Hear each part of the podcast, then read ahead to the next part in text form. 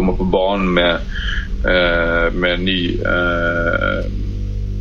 ny informasjon og tilstår handlingen, så eh, vil det være eh, avgjørende at vi lykkes med DNA-arbeidet, sånn som vi sa. Når man først har en fullstendig profil, så er det et meget, meget sterkt bevis. Eh, man kaller det et fellende bevis. Det var en journalist en gang som spurte om jeg var glad nå når Cold Case hadde sagt sitt. Og da spurte jeg vedkommende hvordan i all verden kan du tro at jeg kan være glad? Jeg har mista 23 år av mitt liv som følge av en, rett og slett en tortur fra et offentlig maktapparat. Og så stiller du spørsmålet om jeg er glad. Kommer aldri noen gang til å bli glad. Ekte glad. Aldri.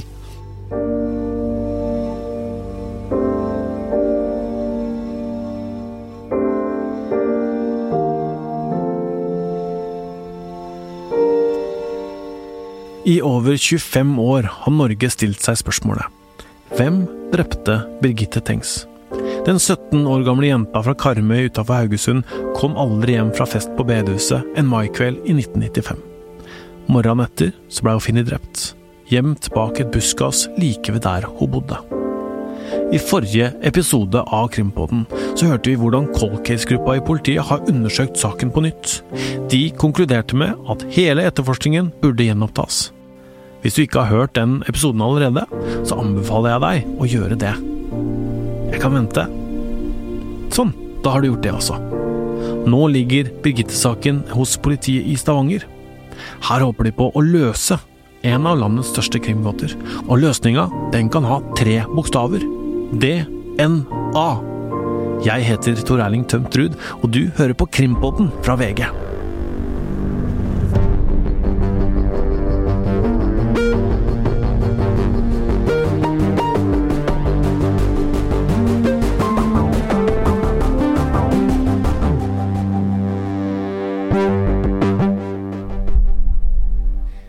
Stavanger er det politiadvokat Lars Ole Berge som holder i saken. Han forteller om første gang han hørte om drapet på Birgitte Tengs. Ja, du må huske på at På det tidspunktet så, eh, så gikk jeg på barneskolen. Eh, så jeg hadde heldigvis eh, foreldre som var kloke nok til å skjerme meg for de mest dramatiske hendelsene ute i verden. Så jeg kan ikke si at jeg husker noe fra, fra akkurat uh, det tidspunktet. Uh, men det jeg husker senere, er jo uh, fra jeg har beveget meg over på ungdomsskolen. Og, og av den grunn tidfester det til, til, rundt kanskje pågripelsen av fetteren rett i etterkant Det det. At jeg husker eh, aviskiosker på, på, bystasjonen som jeg passerte, hvor, hvor, det var på en måte massive bilder av, av det som eller masse forsider med da bilder av Birgitte Tengs, og også disse bildene som da gikk på, på fetteren i begravelsen til, til Birgitte Tengs. Uh, så det er det første jeg husker uh, konkrete saken, og husker at det også ble, ble et tema på skolen og den type ting. Nå er Berge påtalefaglig etterforskningsleder for Birgitte-saken. Han forteller hvordan de jobber med den, og med utgangspunkt i anbefalingene fra Colcase har de identifisert en rekke kandidater som de jobber med å sjekke enten inn eller ut av saken. Håpet er at DNA kan føre dem nærmere svaret. På det anerkjente rettsmedisinske instituttet i Innsbruck i Østerrike analyseres det nå DNA i Birgitte-saken. Der har de nemlig teknologi som ikke vi har i Norge. Det er veldig spennende å få vite hva de gjør der. Kollega Ingeborg Huse Amundsen har snakka med Berge. DNA-materialet i saken er ivaretatt i mellomtiden. og Det vi da sånn sett forsøker å nyttiggjøre oss av, er da den teknologiske utviklingen. Og, og ønsker da å eh, benytte oss av de siste metodene for eh, å og forhåpentligvis å kunne lykkes med å få spor som er gjerningsrelevante, og som er i stand til å eh, bringe oss et steg videre i etterforskning. Biologisk materiale som, som, stammer fra 1995, er det fortsatt gyldig? Eh, det er jo et spørsmål om hvordan det materialet har blitt eh, oppbevart i mellomtiden. og det mener vi at eh, det aktuelle materialet her som vi har valgt å teste, det har blitt eh, oppbevart på en slik måte at dette eh, lar seg utføre med god kvalitet også i dag. Med mindre noen kommer på banen med, med ny, ny informasjon og tilstår handlingen, så vil det være avgjørende at vi lykkes med DNA-arbeidet, sånn som vi sa. Denne DNA-testinga har pågått i noen år nå. Det er veldig tidkrevende og dyrt, forteller politiet til oss. Men de håper altså på at et svar fra Østerrike kan føre til et gjennombrudd. Vi har kontakta sjefen ved instituttet i Innsbruck, og han sier at han ikke kan kommentere pågående saker. Han kan heller ikke si noe om teknologien de bruker, eller svare på generelle spørsmål. Politiadvokat Berge vil ikke si hva slags DNA-materiale de tester, men vi veit jo at det blei gjort funn på Karbøy i 1995. Ja, det ble jo gjort flere funn på åstedet. Eh, både på Birgitte og, ved Birgitte. Eh, og det er jo sånn at politiet har DNA-materiale som de mener kan stamme fra en gjerningsperson, men dette DNA-materialet har ikke til nå uh, vært godt nok til å få frem en profil. og Det er det man håper at dette instituttet i Østerrike skal få til. Og så vet vi ikke i detalj hva slags DNA-profilmateriale det er snakk om, men det kan f.eks. da være uh, hud det er, I den type saker som Birgitte Tengs-saken, så er det ikke sjelden at offeret skraper av hud eh, med neglene på en gjerningsperson. Det kan være en mulighet. Det kan også være at eh, vedkommende har blødd eller eh, mista hår i en, i en kamp, for å nevne noen eksempler. Så skal det bare ørsmå mengder biologisk materiale til for å utføre en DNA-analyse og få fram det som kalles en DNA-profil. Noen få Eh, celler kan være nok. Og så er det nesten 100, eller det er 100% sikkert, ikke sant. Disse DNA-profilene. Når man først har en fullstendig profil, så er det et meget, meget sterkt bevis. Eh, man kaller det et fellende bevis. Hva gjør politiet med de eh, prøvene? Nei, Det viktigste er jo selvfølgelig å få frem en fullstendig DNA-profil. Om mulig fra, som er funnet da på offeret. Og hvis man Klarer det, en fullstendig DNA-profil, så vet man jo at bare vi nå finner eieren, så har vi løst saken. Uh, og det er jo det man da gjør. Man øh, forsøker å få frem en fullstendig DNA-profil. Det har man jo ikke klart i denne saken før, og det er det man jobber med nå, og som man har håp om at man skal klare. Og hvis man klarer det, så er neste steg å finne eieren. Uh, altså matche Eh, DNA-en fra åstedet, den ukjente DNA-profilen, hvis man får den, med eh, den som må ha avsatt, den, eh, det, det DNA-sporet. Og derfor er jo, altså, DNA er utrolig viktig for politiet, og har i veldig veldig mange kriminalsaker vært et helt avgjørende bevis. Uh, fordi at, vi, som vi er inne på, dette er fra, DNA er fra arvestoffet vårt. Uh, og vi har et helt unikt sett med DNA. Uh, eneste unntaket er hvis du er enegga tvilling, men utover det så har vi hver og en et helt eh, eksklusivt eh, eget DNA, som, eh, akkurat som et fingeravtrykk, som ingen andre i verden har. Og For å finne match da, på disse prøvene, så er det vel også oppretta et DNA-register? Ja, det finnes eh, faktisk tre ulike registre. Det er ett for dømte, ett for mistenkte, og så er det ett for DNA-spor eh, funnet på offer eller åsted.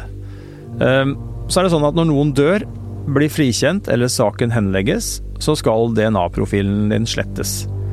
Ehm, rundt 120 000 personer finnes i disse registrene, altså totalt sett 120 000 personer. Og så er det jo det med DNA som det er med mye annen teknologi, Tor Eiling. Og det er at den hele tida utvikler seg. Eh, og for at et DNA-spor skal ha en verdi i en drapssak, så må politiet få et treff. Altså enten på en mistenkt, eller ved søk i straffesaksregistrene. Og så har det også kommet ny banebrytende metode som kalles genetisk slektsforskning. Den har allerede gitt resultater på gamle uoppklarte drapssaker, særlig i USA. Et eksempel er den berykta massedrapsmannen kalt Golden State Killer, som ble tatt ved hjelp av denne metoden. Enkelt forklart så benytter man seg av private slektsforskningsdatabaser i etterforskninga, sammen med mer tradisjonelt politiarbeid. Men her i Norge så er det sånn at vi foreløpig ikke bruker denne metoden. Eh, det er en diskusjon rundt det. Politiet i hvert fall en del i politiet, ønsker jo selvfølgelig å ta i bruk så mange verktøy som mulig for å oppklare kriminalitet, bl.a. denne metoden. Men det er en, som sagt en diskusjon, og Eh, når den landes, det er ikke godt å si, men det kan jo kanskje skje neste år eller eh, et år eller to senere. Om man da tar stilling til om dette skal bli mulig også her i Norge. I Birgitte-saken så forteller da politiadvokat Berge at de har innhenta såkalte referanseprøver. Hva er det, Øystein? Enkelt fortalt så er det DNA-prøver fra det man kan kalle en kandidatliste. Uh, og man kryssjekker da uh, DNA-profilen fra disse, som Eh, er innhenta, eh, opp mot eh, DNA-sporene fra, fra, 1995 som ble funnet på, på Birgitte. Berge sier til oss at det er snakk om et titalls personer. Det oppsiktsvekkende er at noen av disse personene er aldri blitt DNA-sjekka før i denne saken, på 25 år. Og hvis politiet får en match, ja da kan de nærme seg en oppklaring av hele gåten. Men hva med fetteren til Birgitte? Er han en del av etterforskningen Berge nå leder? Status er at uh, han verken er uh, mistenkt eller siktet uh, i etterforskningen. og Ellers så ligger det fast det vi har sagt hele tiden, at vi ser bort fra tilståelsen. han har heller ikke vært avhørt i forbindelse med, med de etterforskningene. Men er han da overhodet ikke en del av etterforskningen? Uh, det, altså, det, det, kan egentlig bare gjenta de samme poengene som jeg har sagt uh, tidligere. At uh, han Vi ser bort fra tilståelsen, og han har ikke status som mistenkt eller siktet. og han har heller ikke vært forsøkt avhørt i forbindelse med ny etterforskning. De ser bort ifra tilståelsen, han har ikke status som mistenkt eller siktet, og har heller ikke vært i søkelyset. Hvordan skal vi tolke det svaret, Øystein? Det kan jo helt klart tyde på at fetteren ikke er interessant for politiet lenger, øh, og at de ikke vurderer ham som en mulig gjerningsperson. Øh, og han har, som det ble sagt, verken vært inne til avhør. Han har ikke status som mistenkt øh, og ikke som sikta. Og så er det sånn, Tor Erling, at i en sak som ikke er avklart, så har livet lært meg at man uansett eh, hva det handler om, ikke skal utelukke eh, noe før man har eh, fakta på bordet. Og det kan jo selvfølgelig være taktisk svar fra, som Berge kommer med her. Man har jo ikke gått ut og sagt helt klart at han er uaktuell og kommer aldri til å bli aktuell. Men eh, sånn som vi skal eh, Du ba meg om å tolke, og skal jeg gjøre det, så syns jeg jo det ikke virker som politiet er interessert i, han, i han i det hele tatt. Eh, og at det er andre kandidater de nå fokuserer på. Og vi vet jo at man har jo sikra DNA-prøver av fetteren tidligere. Men om disse nå blir sett på overhodet, det, det vet vi ikke noe om. Politiadvokat Berge håper at de kan oppklare Birgitte-saken en gang for alle. Og det er med en viss ærefrykt han nå har gått inn i etterforskningen, sier han til oss. Ja, det, det, er noe som er gjort med, med dyp eh, respekt.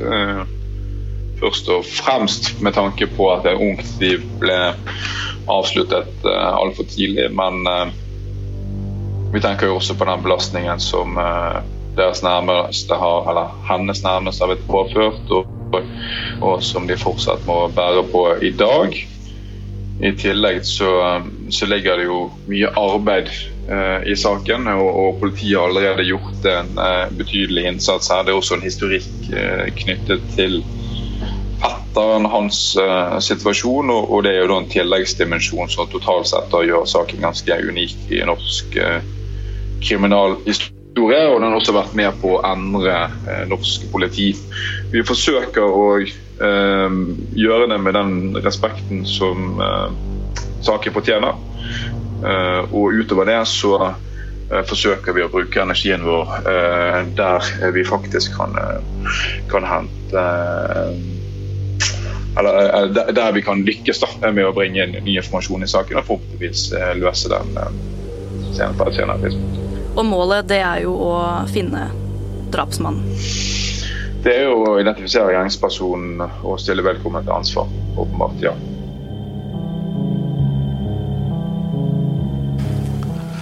Tror du Vi sitter her om ett år eller to år eller tre år med en uh, endelig løsning av uh, drapet på Birgitte Tengs. Jeg vet ikke, men det jeg tror, det er at uh, på et gitt tidspunkt så sitter vi her, og da har Cold Case kommet med opplysninger som medfører at min sønn overhodet ikke kan knyttes til dette drapet. Det er krimkommentator Øystein Milli som har prata med Jakob, som er faren til fetteren. Han frykter vi aldri vil få svar på hvem som tok livet av 17 år gamle Birgitte. Men det jeg frykter for, det er at eh, vedkommende som har begått dette drapet, enten det er en eller flere, de eh, finnes ikke blant oss lenger. Det er det jeg frykter for. Og det betyr at politiet har forspilt alle mulighetene til at vi, lokalsamfunnet, får vite hva som skjedde på Gamle Sonsvei denne fatale natta. For da tenker du at da får vi ikke øh, gjerningsmannens versjon? Jeg øh, frykter for at øh, gjerningsmannen er død, og da får vi aldri vite hva som skjedde oppe på Gamle Sundsvei. Hvis vi kommer til en situasjon nå hvor, hvor saken blir løst, og øh, sønnen din får øh, den endelige øh, Kall det frifinnelsen. kan du si litt om hvordan du tenker at det vil bli? Ja, det tror jeg blir voldsomt spesielt. Og eh, jeg er blitt advart mot at de kommer til å få en kraftig reaksjon når den dagen kommer. Hva tror du om reaksjonen? Det vet jeg ikke. Men jeg får en reaksjon. Vi har mista 23 år av vårt liv, og de får vi ikke igjen. Det var en journalist en gang som spurte om jeg var glad nå når Cold Case hadde sagt sitt, og da spurte jeg vedkommende hvordan i all verden kan du tro at jeg kan være glad? Jeg har mista 23 år av mitt liv som følge av en, rett og slett en tortur fra et offentlig maktapparat. Og så stiller du spørsmål om jeg er glad. Kommer aldri noen gang til å bli glad. Ekte glad. Aldri.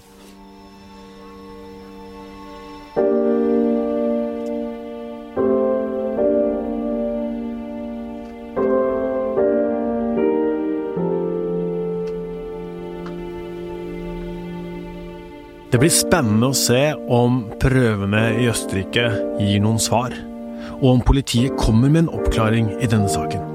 Hvis du vil høre mer om Birgitte Tengs, og du ikke har hørt den før, så kan du høre den prisvinnende podkastserien Uløst. Produsent for denne episoden er Ingeborg Huse Amundsen. Krimkommentator er Øystein Milli. Vilde Våren har redigert episoden, og jeg heter Tor Erling Tømt Ruud. Ronny Furuvik og Epidemic Sound har laga musikken, og Magne Antonsen har det tekniske ansvaret. Krimpodden er tilbake neste torsdag med en ny episode.